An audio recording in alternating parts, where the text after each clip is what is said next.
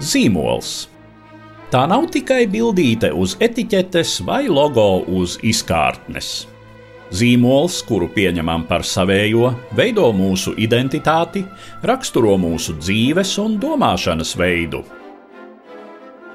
Ko varam teikt par Latvijas zīmoliem un ko tie vēsta par mums? Par to raidījumu ciklā Zīmols stāsti LV reizi mēnesī, trešdienās Latvijas radio pirmajā kanālā. Labdien, cienījamie klausītāji! Mūsu šodienas temats ir zīmols un pašironija, un mana viesņa studijā ir kampaņas I am introvert radošā direktore un režisore Una Rozenbauma. Labdien! Labdien! Kā zināms, šī kampaņa tika pamatā iecerēta Latvijas dalībai Londonas grāmatu mesē, kas ir ikgadējs pasākums, un uh, Latvija tur arī cenšas piedalīties.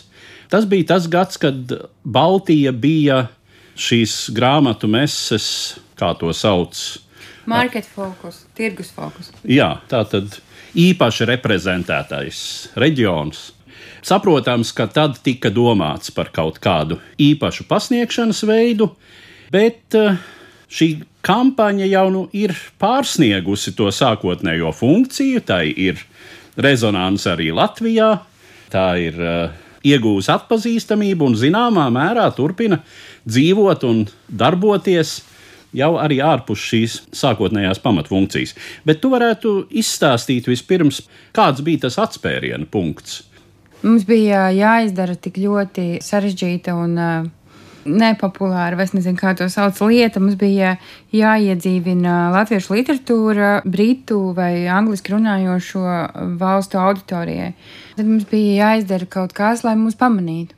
Un kas man liekas brīnišķīgi no Latvijas literatūras puses, bija tas, ka Viņiem nebija īsti neko vinēt, neko zaudēt. Mēs varējām atļauties kaut ko tādu, kas tādam gatavam zīmolam vai zīmolam, kuram jau ir kaut kādas pilnīgi skaidras iestrādnes vai atpazīstamība būtu gandrīz neiespējami. Mēs varējām radīt kaut kādā ziņā nu, latviešu literatūras eksporta zīmolu. Un to mēs arī ļoti veiksmīgi, manuprāt, izdarījām. Tas vispār skan drusku paradoxāli - latviešu literatūras zīmols.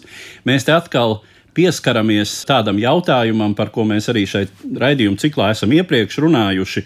Zīmols lietām, kas pastāv krietni ilgāk nekā pastāv kaut kāds vispār nojēgums par mūsdienu patēriņu, taiskaitā par tirgvedību, taiskaitā par zīmolvedību.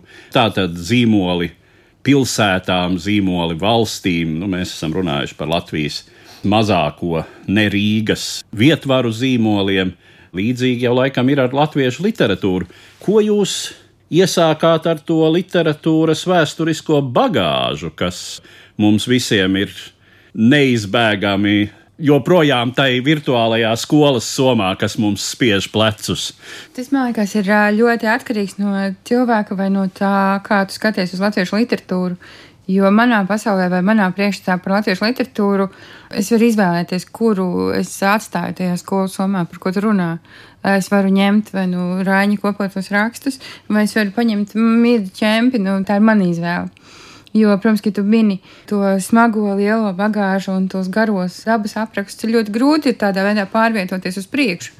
Bet man liekas, ka latviešu literatūrai piemīt tāds uh, fascinējošs elements, ka viņa nav neviegla un viņa nav vienkārša, bet viņā ir kaut kas tāds par spīti līgsms. Man liekas, ka to mēs kaut kādā ziņā arī ietvērām tajā ejam introverti, ka mēs nevis priecājamies tāpēc, ka mēs gribētu, bet mēs par spīti priecājamies, un kaut kas tur ir tajā visā.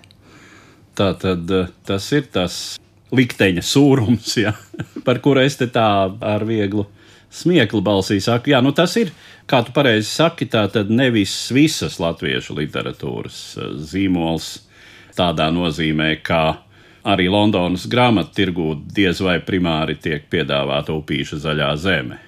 Tādā es gribētu būt pasākumā, kurā mēs privāti piedāvājam upīšu zaļo zemi, varētu būt līgsmi. Bet, protams, ka mēs mēģinājām ieinteresēt par mūsdienu latviešu literatūru, jo primāri tas grāmatu tirgus vai grāmatu mēs ir domāts tam, lai ieinteresētu tulkotājus vai izdevniecības izdot latviešu autoru darbus. Un es domāju, ka tas mums arī ļoti veiksmīgi izdevās, jo man liekas, ka tas kāpums bija kaut kāds 20 grāmatas gadā, kas ir īstenībā ļoti daudz, jo tur ir jāiegūda laiks un nauda un jātaisa paraugu tulkojumu. Bet kopumā man liekas, ka nu, nevis kampaņas, bet vispār tā procesa ietveros ir uh, iztulkots 52 vai 60 grāmatas, kas ir uh, brīnišķīgi, un cilvēki ārpus Latvijas uzzina kaut ko par Albertu Belu un tā tālāk. Tie nav tikai pavisam jauni autori, tie ir arī tādi, kas ir. Uh, nostabilizējušies mūsu pamatapziņā. Tie, kurus var dēvēt par mūsdienu latviešu literatūru, kas ietver arī 20. gadsimta pēdējās desmitgades katrā ziņā. Nonākšana līdz šim konkrētajam tēlam un vispār līdz arī šiem vizuālajiem risinājumiem, līdz kādiem citiem komunikācijas risinājumiem. Tas, es domāju, arī būtu interesanti, kā tas viss notika. Tas viss notika tā, cik es atceros, man stāstīja par latviešu literātiem, man stāstīja Dāca Bargā un Anita Konsta. Tad, kad es intervēju jebkuru zīmola pārstāvis, vai tā ir literatūra, vai tā ir doktora dasa, tur nav liels atšķirības. Jo tas, kas man jāuzzina, ir tas, kāda ir labumi, kas šim piemīt, un kādas ir problēmas. Latviešu literatūras labumi ir sievietes autors ļoti spēcīgs un ilustrācija un dzēja. Bet tas viss tā mazāk pēc literatūras izklausās. Un tad tie sliktumi vai tā problēma, kas bija jārisina, bija tāda, ka latviešu literāti neprot uzstāties, viņi neprot publiski sevi pat nosaukt par rakstniekiem. Un vēl arī, ja viņi saņem kādu balvu, tad viņi no kauna gandrīz nomirst. Nu, tā ir tāda universāla latviešu literātiem piemītoša īpašība. Jā, tā es sapratu. Un arī skatoties viņas darbībā un vērojot. Un arī patiesībā bija tā, ka mēs sākām to kampaņu un uh, izvēlējāmies šo diezgan uh, trako ceļu, kurā iet. Tad, uh, Pirmie, kas nostājās pret šīm zīmoliem vai, vai pret vispār to komunikāciju, bija tieši lasītāji, kur teica, ka jūs pazemojat latviešu literātu, viņi nav nekādi introverti, viņi ir zvaigznes mūsu debesīs, viņi ir tas mūsu viss. Un uh, latviešu literāti bija tieši tie, kur teica, ka viņai taisnība, mēs esam šitie čaļi teiksim, Kārlis Vērdiņš, kurš ļoti konkrēti iestājas par to, ka tā tiešām notiek ar mums. Tas Čālis Mētelītī, kas laikam ir eh, tas centrālais tēls, mm. un šo komiksa estētikā veidoto zīmējumu un klipu centrā, vai tam ir arī kāds prototyps? Tas būtu tiešām brīnišķīgi, ja mēģinātu izvilkt uh, Reņģa Petersona zīmēto misteru I vai misteru Ai. Viņu mēģināt ekshumēt un teikt, no kā viņš ir radies, tas nav zināms. Tas ir vienkārši tāds tēls, kā Rēns to redzēja, tā viņš viņu uzzīmē. Bet man liekas, brīnišķīgi bija tas, ka mums bija tāds tēls vīrietis, un par viņu notika liela daļa darbību, un par viņu tika runāts. Un tad uh, latviešu literāts sievietes tā kā tāds, nē, nē, nē, kur sieviete? Mums nācās uzzīmēt vēl vienu. Mums izveidojas arī romantisks potenciāls, tur stāsta attīstība un tā. Es domāju, ka tā ieklausīšanās cilvēkos aizvien padara dzīvi interesantāku. Bet joprojām nu, mēs runājam teiksim, pamatā par kampaņu, kam ir nepārprotami zīmola iezīmes, bet droši vien tā stingri ņemot, tas nav katrā ziņā tāds konvencionāls zīmols. Viņš ir patentēts kā zīmols. Es domāju, ka viņš ir diezgan. Jo bija kaut kāds brīdis, kad tas bija kā, nu, pats svaigs, un uh, par to cilvēku uzzināja pirmo reizi. Viņiem šķita, ka arī latviešu mūzika, vai latviešu kino, vai vēl kaut kas varētu labi pārēt apakšā zem šī zīmola, kas nav iespējams. Jo literatūra ir uh, tāds tiešām introverts process, process, kas tevi distancē no citiem cilvēkiem. Kino vai mūzika vai teātris tas nevar būt, jo tas ir kolektīvs darbs. Tu nevari būt introverts un taisīt teātri vai kino. Tad mums nācās diezgan ilgi cīnīties ar tiem, kas teica, ka, jā, bet šo jau varētu arī kā Latvijas zīmola vēl kaut kā, nu, tā kā nē. Nav iespējams. Mēs kā nācija nevaram attīstīties skatoties tikai uz sevi, bet literatūra, protams. Kā tad tas reāli funkcionēja tur Londonā? Kā tad šis tēls tur tika komunicēts? Mēs sākām gadu pirms Latvijas simtgadus, kas bija 17. gads. Un, uh, Mēs patiesībā liekas, izdarījām kaut ko, ko dara veiksmīgi zīmoli vai vispār cilvēki, kas domā uz priekšu. Cilvēki, kas attīsta kaut kādus stāstus un domā uz priekšu, mēs viņu nostājām grāmattirgu pirms tam. Un mēs nostājām viņu ar ļoti mazu budžetu, kur mēs uztaisījām tādu banneri, uz kura tu vari fotografēties, kas bija Baltijas jūra, melnbalta, kur tu varēji taisīt anti-selfiju ar mēteli mugurā, kur tu varēji nošķirties ar uh, latviešu autoru citātu uz muguras. Un tur bija arī manifests, kurā mēs uh, skaidri definējam, par ko mēs iestājāmies, kas bija par to, ka mēs esam tādi un šādi un kautrīgi un, un vēl visādi, bet introverti tā labākā vieta, kur viņiem atrasties, ir literatūra. Un Anita viņu uzrakstīja tik brīnišķīgi, un uh, bija tā, ka nāca cilvēki klāt un teica, nu, teiksim, Džeks no Čīles, kurš teica, ka man liekas, ka es esmu latvietis, kad es to izlasu.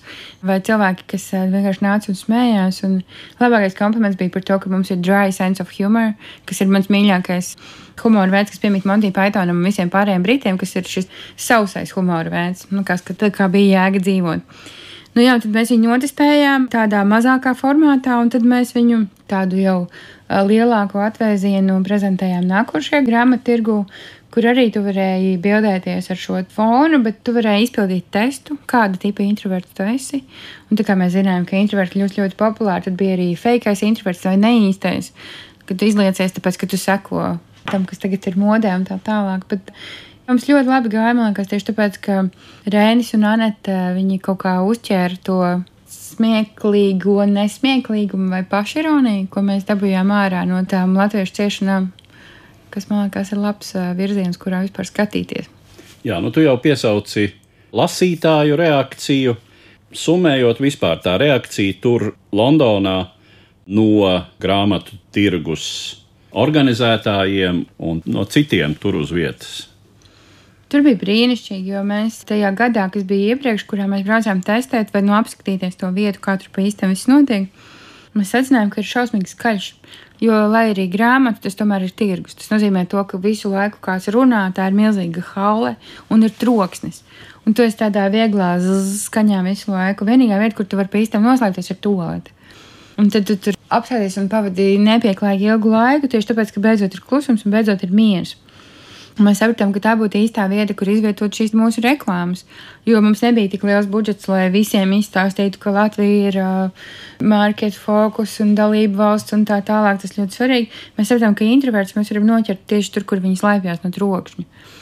Es nevaru neiesmieties ēterā šai bet, brīdī. Bet tā ir. Tu taču saproti, par ko es runāju. Nu, es lūk. ļoti labi saprotu. Tur arī bieži vien labākās domas atnāk. Nu, redzi. Un tad, kad es biju tolotājs, tad tur bija kaut kāda ceļojumu aģentūra, kas bija ielikusi. Man liekas, kāpēc mēs tur nevarētu būt? Un tajā laikā mums vēl bija Dāca Melbārda un Baiba Braže, kur teica, ko jūs gribat nu, nākošajam gadam. Mēs sēdējām pie miskastēm un ēdām, jums nebija īsti kur apsēsties.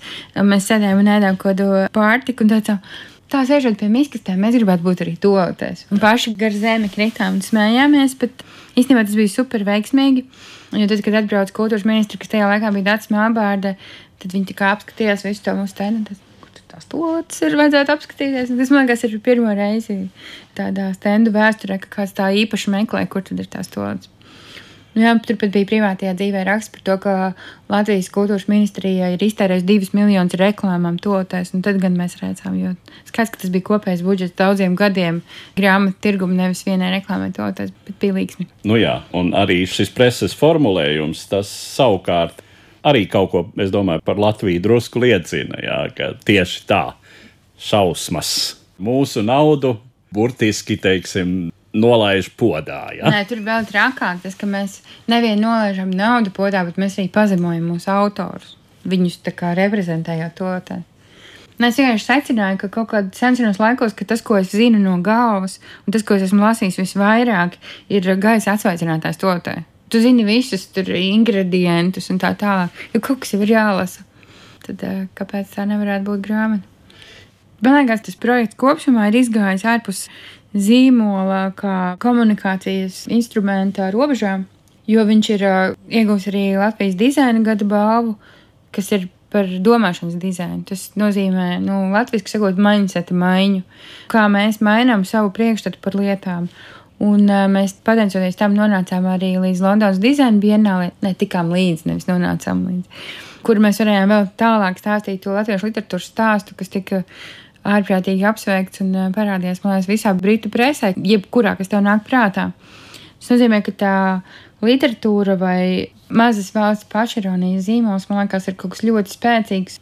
Tā kā no vienas puses mēs gribētu, lai viņš ir ārpus, lai viņš stāsta par kaut ko vairāk, bet tā literatūra jau ir kaut kas tāds, kas mums ir veidojis, un arī valoda ir kaut kas tāds, kas ļoti būtisks tik mazai nācijai kā mums. Tā kā man liekas, mēs esam salikuši visas uh, olas pareizajā groziņā.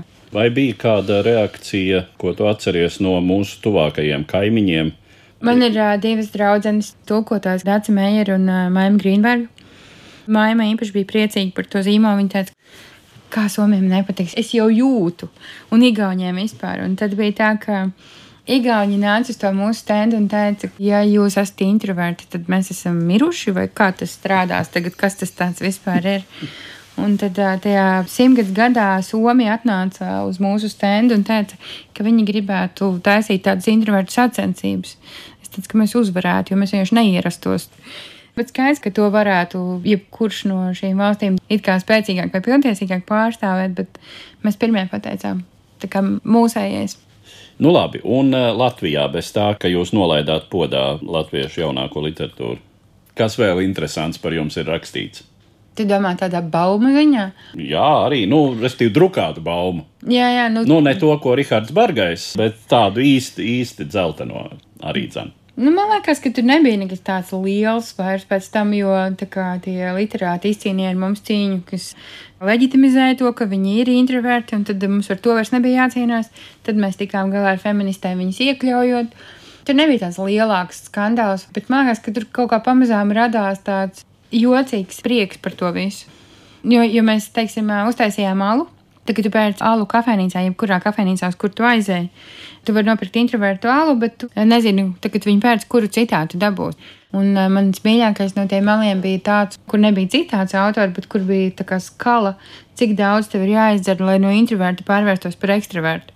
Man liekas, ka tas bija ļoti veiksmīgi. Esot tur Londonā un skatoties uz kādiem citiem piemēriem, kādi citi varianti ir, nu, kā teiksim, valstis tur sevi prezentē? liela daļa no mūsu veiksmes ir tāda, ka citas valsts, pat valsts, kas ir simts reizes bagātākas nekā Latvija, viņi neskatās uz literatūru kā eksporta preci. Teiksim, viens no maniem mīļākajiem žanriem bija Ķīna, kur bija uh, tātad valsts vadītāja autobiogrāfija uz visām sienām stendām, bet tad uh, izrādījās, ka viņš vēl nav atklāts. Un ka tas, ko mēs redzam, ir panelis, uz kur ir uzdrukāta šī līdera autobiogrāfija. Un tad viņi noņem to paneli un aiz viņa ir tādas pašas grāmatas, vienkārši šādas rindā. Tas bija labākais, ko viņi bija spējīgi. Ja man liekas, ka būt mazai valstī ar mazu budžetu dažreiz ir labāk. Ķīna, kuras teksts, proti, priekšsēdētāja Mao citātu grāmatiņa, ir šķiet, ka visvairāk tiražētā vai otrā pēc Bībeles laikam vispār no drukāto tekstu kopapjoma eksemplāru skaita pasaulē. Ko tu vēl izdomāsi? Nu, tas ir uh, savā ziņā nepārspējami. Uzlikt tagadējā tātad līdera ķeizara, acīm redzot, sīdziņa piņa citātu, un nu, tā ir Ķīna. Mm. Tā ir Ķīna, kur nemainīsies ne nākamos simts, ne, ne tūkstošus gadus, un varbūt piespiedīs mūs visus citus lasīt savus citātus. Citi tādi varianti, kas iekrīt acīs, Nu, es esmu diezgan lecīga, bet es neesmu tik lecīga, lai teiktu, ka tur neviens neko nedara tādā grāmatvedības ietvaros. Bet ir uh, lielie zīmoli vai lielās izdevniecības, kuras stendi izstāsta pēc Disneylandas, un tu gribi tur palikt un dzīvot. Jo tur ir ērti un silts, un uh, kafija, un ēdiens, un grāmatas, un ko vēl varētu gribēt cilvēks. Tad mūsu gadījumā man liekas, ka mēs ļoti atšķirāmies un atšķiramies tieši ar to, ka mums ir tāda viena doma un viņi ir diezgan pārsteidzoši. Un tur nevajag ne budžetu, ne, ne nu, skaidrs, ka tur vajag kaut kādu budžetu, un skaidrs, ka tur ir būtiski cilvēki, kas to dara. Bet mēs nevis lielamies ar naudu, bet ar prātu. Un tas man liekas forši. Jā, starp citu, reakcija no Latvijas izdevējiem. To es kaut kā piemirsu. Ar Latvijas izdevējiem tur ir interesanti, jo viņi ir ļoti dažādi. Un tas tā kā iedomājies, tev ir jāpaņem visi Latvijas glaznotāji vai visi Latvijas matemātiķi, nu vienalga, viņi jāsaliek vienā kuģī un kaut kur jāizved. Tas jau ir tāds nošķirs principā. Un uh, viņi ir ļoti dažādi. Daži izdod krāsojumos grāmatas, daži izdod enciklopēdijas, un pa vidu vēl ir daļa tur. Bet no viņu puses nebija nekādu iebildumu vai jautājumu pieņemu, ka varbūt viņi vienkārši tika nostādīti fakti priekšā, bet es saku, mēs sākām no līdzenas vietas, mums nebija ko zaudēt. Latvija mazliet jau mokās ar šo savu valsts zīmola būvēšanu. Vai šis tev šķiet kaut kādā ziņā, ja ne lietojams, iebūvējams, tad pamācošs tam, kā tiek būvēts vai mēģināts būvēt uh, Latvijas valsts zīmolu. Šis noteikti ir apliecinājums tam, ka radošajā jomā demokrātija ir uh, jebkuras radošas domas nāve. Tur nedrīkst būt tāda, nu, tā kā latviešiem uztaisīt zīmolu par latviešiem, kas visiem latviešiem patiktu, ir tā kā nofočēt skaistu sievieti tā, lai viņai patiktu viņas bilde. Tas vienkārši neiespējami. Jo vienmēr tās ekspektācijas ir. Bet man tante un viņai, vai rekur, man tomēr it kā jā, bet lūk, man ir bijis tāda situācija, kad gandrīz vienlaicīgi. Tātad ir 13 latvieši. Es viņiem prezentēju kaut kādu ideju, un viens no viņiem iestājās stingri pret. Nevis tāpēc, ka viņam nepatīk ideja, bet tā nevar būt, ka visiem patīk. Tāpēc tu saki nē kaut kādā lietā, kas tev liekas interesanti vai aizraujoši, jo tas nav normāli, ka visiem viss patīk. Šādā situācijā cerēt uz to, ka mēs varam izveidot zīmolu latviešiem, kas viņiem visiem patiks, mēs tā ne, nedarbojamies. Latvijas galvenā problēma un arī veiksme un laime ir tā, ka mēs esam tā kā individu tauta, katrs ir atsevišķi. Mēs neesam kopā. Introverti. Nē, tas ir savādāk. Introverti klusē. Tie, ko tu redzi dažādās vietās pēdējā laikā, viņi neklusē vispār nemaz. Viņi katrs uzvāk savas krāsas, klauna tērpu un rāda trikus. Viena no nākamo raidījumu tēmām ir Latvijas valsts zīmols. Un tā, protams, vienmēr ir politiska izšķiršanās galu galā. Ja ir runa par valsts zīmolu, tad politiķi ir pasūtītāji Un uh, par to jau mēs vietvaru zīmola sakarā runājām, ka tās bailes un bažas par to, ko teiks vēlētājs un vai konkurents, opozīcija nenomētās ar attiecīgiem pārmetumiem. Tās ir briesmīgas šais gadījumos. Tad man liekas, ka mēs esam tādi pusauģi savā domāšanā par to. Mēs Oskaram Vēdam brīnišķīgs citāts par to, ka vissliktākais, kas ar mani var notikt, ir tas, ka par mani neviens neko nerunā tad šajā gadījumā mūsu politiķi vai domātāji par šo, viņi domā īslaicīgi. Jo skaidrs, ka ja tu atbalstīsi kaut ko labu un kaut ko paliekošu, vai vismaz kaut ko, kam tu tici un par ko tu esi gatavs stāvēt un krist, tad noteikti lietas mainīsies. Bet, ja tu ātri zvejo to, kas ir pieejams, protams, ka tas ir uz momentu. Bet uh, tu par politiķiem runā tā, it kā viņi būtu augstākā vara. Viņi nav augstākā vara, manuprāt, ir mierīgais iedzīvotājs, kā saka, spēlē mafiju pret parlamentu. Tieši par to, ka politiķi jau jūt šo, kas ir no vienas puses labi un pareizi demokrātiskā valstī. Tā, Politiķiem tas, tas ir, ir jārespektē tautas viedoklis no vienas mm. puses, bet no otras puses, nu jā, ideāli jau būtu, ja politiķi spētu atšķirt, kas droši vien atšķir valsts vīru no politiķa, ka valsts vīrs spēja atšķirt salīdzinoši īslaicīgus noskaņojumus un tādas. Mm sabiedrības viedokļu svārstības, nu, un, teiksim, prognozēt, ka pēc kāda laika.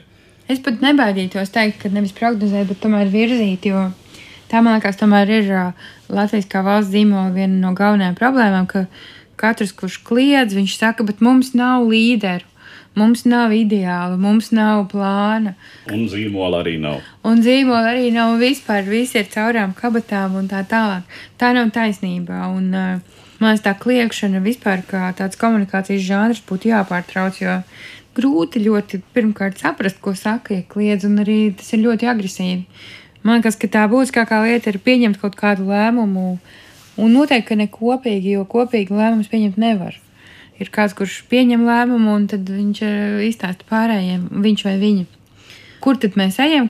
Vai mēs gribam varbūt izcelt to, ka mēs esam tik ļoti dažādi, vai mēs gribam izcelt to, ka mēs esam neiekļaujoši kā polija, vai ko mēs gribam pateikt par savu pasaulē. Un tad pie tā pieturēties, pārmaiņas pēc nevis, nezinu, divas nedēļas, bet trīs gadus, un pasīties, kas būs. Kā tu redzi tālāko AM introvert likteni? Mēs mēģinājām viņu nogalināt, pārtraukt sadarbību ar šo mūsu izdomāto tēlu, bet tas ir gandrīz neiespējami. Skaidrs, ka tajā brīdī, kad tev kaut kas liekas, ka tas ir jau savu laiku nokalpojis, patiesībā pārējiem viņš sāk strādāt. Un to mums, tad, kad mēs strādājām pie stendinieka, viņš teica, ka tad, kad jūs sākat besīt tas, ko jūs esat uztaisījuši, tas nozīmē, ka pārējie to ir sadzirdējuši. Tad ar šo apziņu mēs arī turpinām, un skaidrs, ka tas, ko mēs mēģinām izdarīt, ir Mēs esam mazliet izvilkuši saulītē ārā to latviešu literatūru kopumā, un tagad mēs mēģinām ņemt atsevišķas grāmatas vai autors un viņus jau kaut kur virzīt. Bet kā tev liekas, ko saka pārējie autori? Kāpēc viņš, kāpēc ne es, ne kāpēc ne viņi un tā tālāk? Tur arī demokrātija Tas jau saprotams, jā, kāpēc. Labi, ka jūs neuzņēmāties strādāt ar latviešu aktieriem. Mm. Piemēram. Ne, man liekas, ka visstrakākais no tiem, ar kuriem es esmu strādājis, jo es esmu strādājis ar daudzām kultūras jomām, tomēr ir mākslinieki. Viņi ir visbrīvākie, un man viņi liekas fascinējoši, bet uh, tā viņu pārliecība par to, ka viņiem kaut kas vienkārši pienākās, tāpēc, ka viņi šo prot, man liekas, es esmu vēl aizvien pārsteigta par arogances tiem augstumiem, ka viņiem, nu, vismaz daļai no tiem šķiet, ka viņiem nevajadzētu pat neko gleznot vai veidot, viņiem vienkārši vajadzētu saņemt tā kā stipendiju, un tad, kad viņi grib, tad viņi kaut ko rāda. Likās, kur īstenībā tieši kādā planētā nav mm, iespējams. Ideālā. Mm -hmm. Nu, vispār jau tas nebūtu slikti. Bet būt mūsdienās aizvainotam par to, ka tā nav, man liekas, jau tomēr baigi garais tas solis. Nu jā, bija tāds apsolījums vēsturē. Katram pēc vajadzībām, no katra pēc spējām. Mm. Tas tā būšot komunismā. Mums vajadzētu beigt ar kaut ko tomēr pozitīvāku par latviešu māksliniekiem, kuri gaida iestājamies komunismu.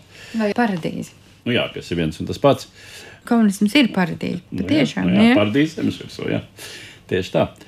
Labi, es tev uzdošu jautājumu. Teiksim, man ir uh, bijusi tāda iespēja taisīt uh, kampaņu vai mēģināt noformulēt, par ko iestājās latviešu literatūra. Kādi mēs esam tieši kā literāti. Vai tev ir kāda joma vai jebkura lieta, par kuru tu gribētu taisīt kampaņu? Hmm. Kas ir tāds, ar ko tu gribētu lepoties, esot no Latvijas? Kā tev liekas, kas mums ir labs? Sēņošana. Jā, es gribētu taisīt kampaņu par sēņošanu. Tas izklausās brīnišķīgi. Es domāju, ka mums vienkārši jāķerās pie darba. Man bija brīnišķīga kampaņa Sieriņam Kārums, kas arī ir viens no latviešu nācijas stūrakmeņiem, būsim atklāti. Un mēs vācām jokus par latviešiem. Nu, vai latviešu identitātes meklējumos mēs atradāmies. Un, uh, viens no labākajiem citātiem, kas bija arī uz autobusa aizmugurē, bija, ka tev ir ļoti grūti ārzemniekam izstāstīt, ko dara tie klusie cilvēki ar nažiem mežā rudenī. Tas ir par to, par ko tu runā. Tas ir par to, jā. Un uh, vispār ikvienam sēņotājam reizēm būtu jābūt tai izjūtai, ka es nezinu, kas man patīk vairāk - sēņot vai vienkārši lēnām staigāt pa mežu ar nāzi rokā. Bet uh, es varētu noslēgt ar vienu jautājumu tev. Ja tu veidotu vai liktu priekšā Latvijas lozungu, kas šobrīd, es īsti nezinu, cik funkcionē šobrīd tā zeme, kas dzied. Es domāju, ka es zinu, kā es gribētu pozicionēt latviešu. Mums ir ļoti maz, bet mums ir viena ļoti spēcīga īpatnība kopumā, kas ir Tad, kad tu kaut ko nesaproti, tu drošības pēc apvainojies. Man liekas, ka tas ir kaut kas tāds, nu, kad apvainojies kā latviečs, ir kā, ko es gribētu reprezentēt vai izstāstīt. Jo mūsu, man liekas, lielākā problēma daļa ir no tā, ka mēs nepajautājam, kā tu to domāji, vai ko tu gribēji, vai kāpēc tu man tā teici. Bet vienkārši cēlā izvēlēties apvainoties. Un tad apvainojas kā latviečs. Es domāju, ja ieietos tādā pasaules, tas man liktos mums veselīgi un arī pārējiem smieklīgi ja mēs spētu pasmieties par to, ka mēs esam šie mūždienu aizskartie, tas būtu no sabiedrības tādas sociāli politiskās terapijas viedokļa vienkārši ideāli. Jā, bet uh, iedomājies, tad, kad tu apvainojies par to, ka tu esi apvainojis kā latviečs, tas jau ir oksimorons vai tas ir no absurds. Tas arī strādā tādā veidā, ka man šis nepatīk, jo tu esi latviečs, tev nevar šis patikt. Pie tā mēs tad arī paliksim sarunā par zīmolu un pašironiju par uh, zīmolu I'm Introvert, un es saku paldies šī zīmola veidotājai, radošajai direktorei, režisorei Unai Rozenbaumai. Paldies par sarunu!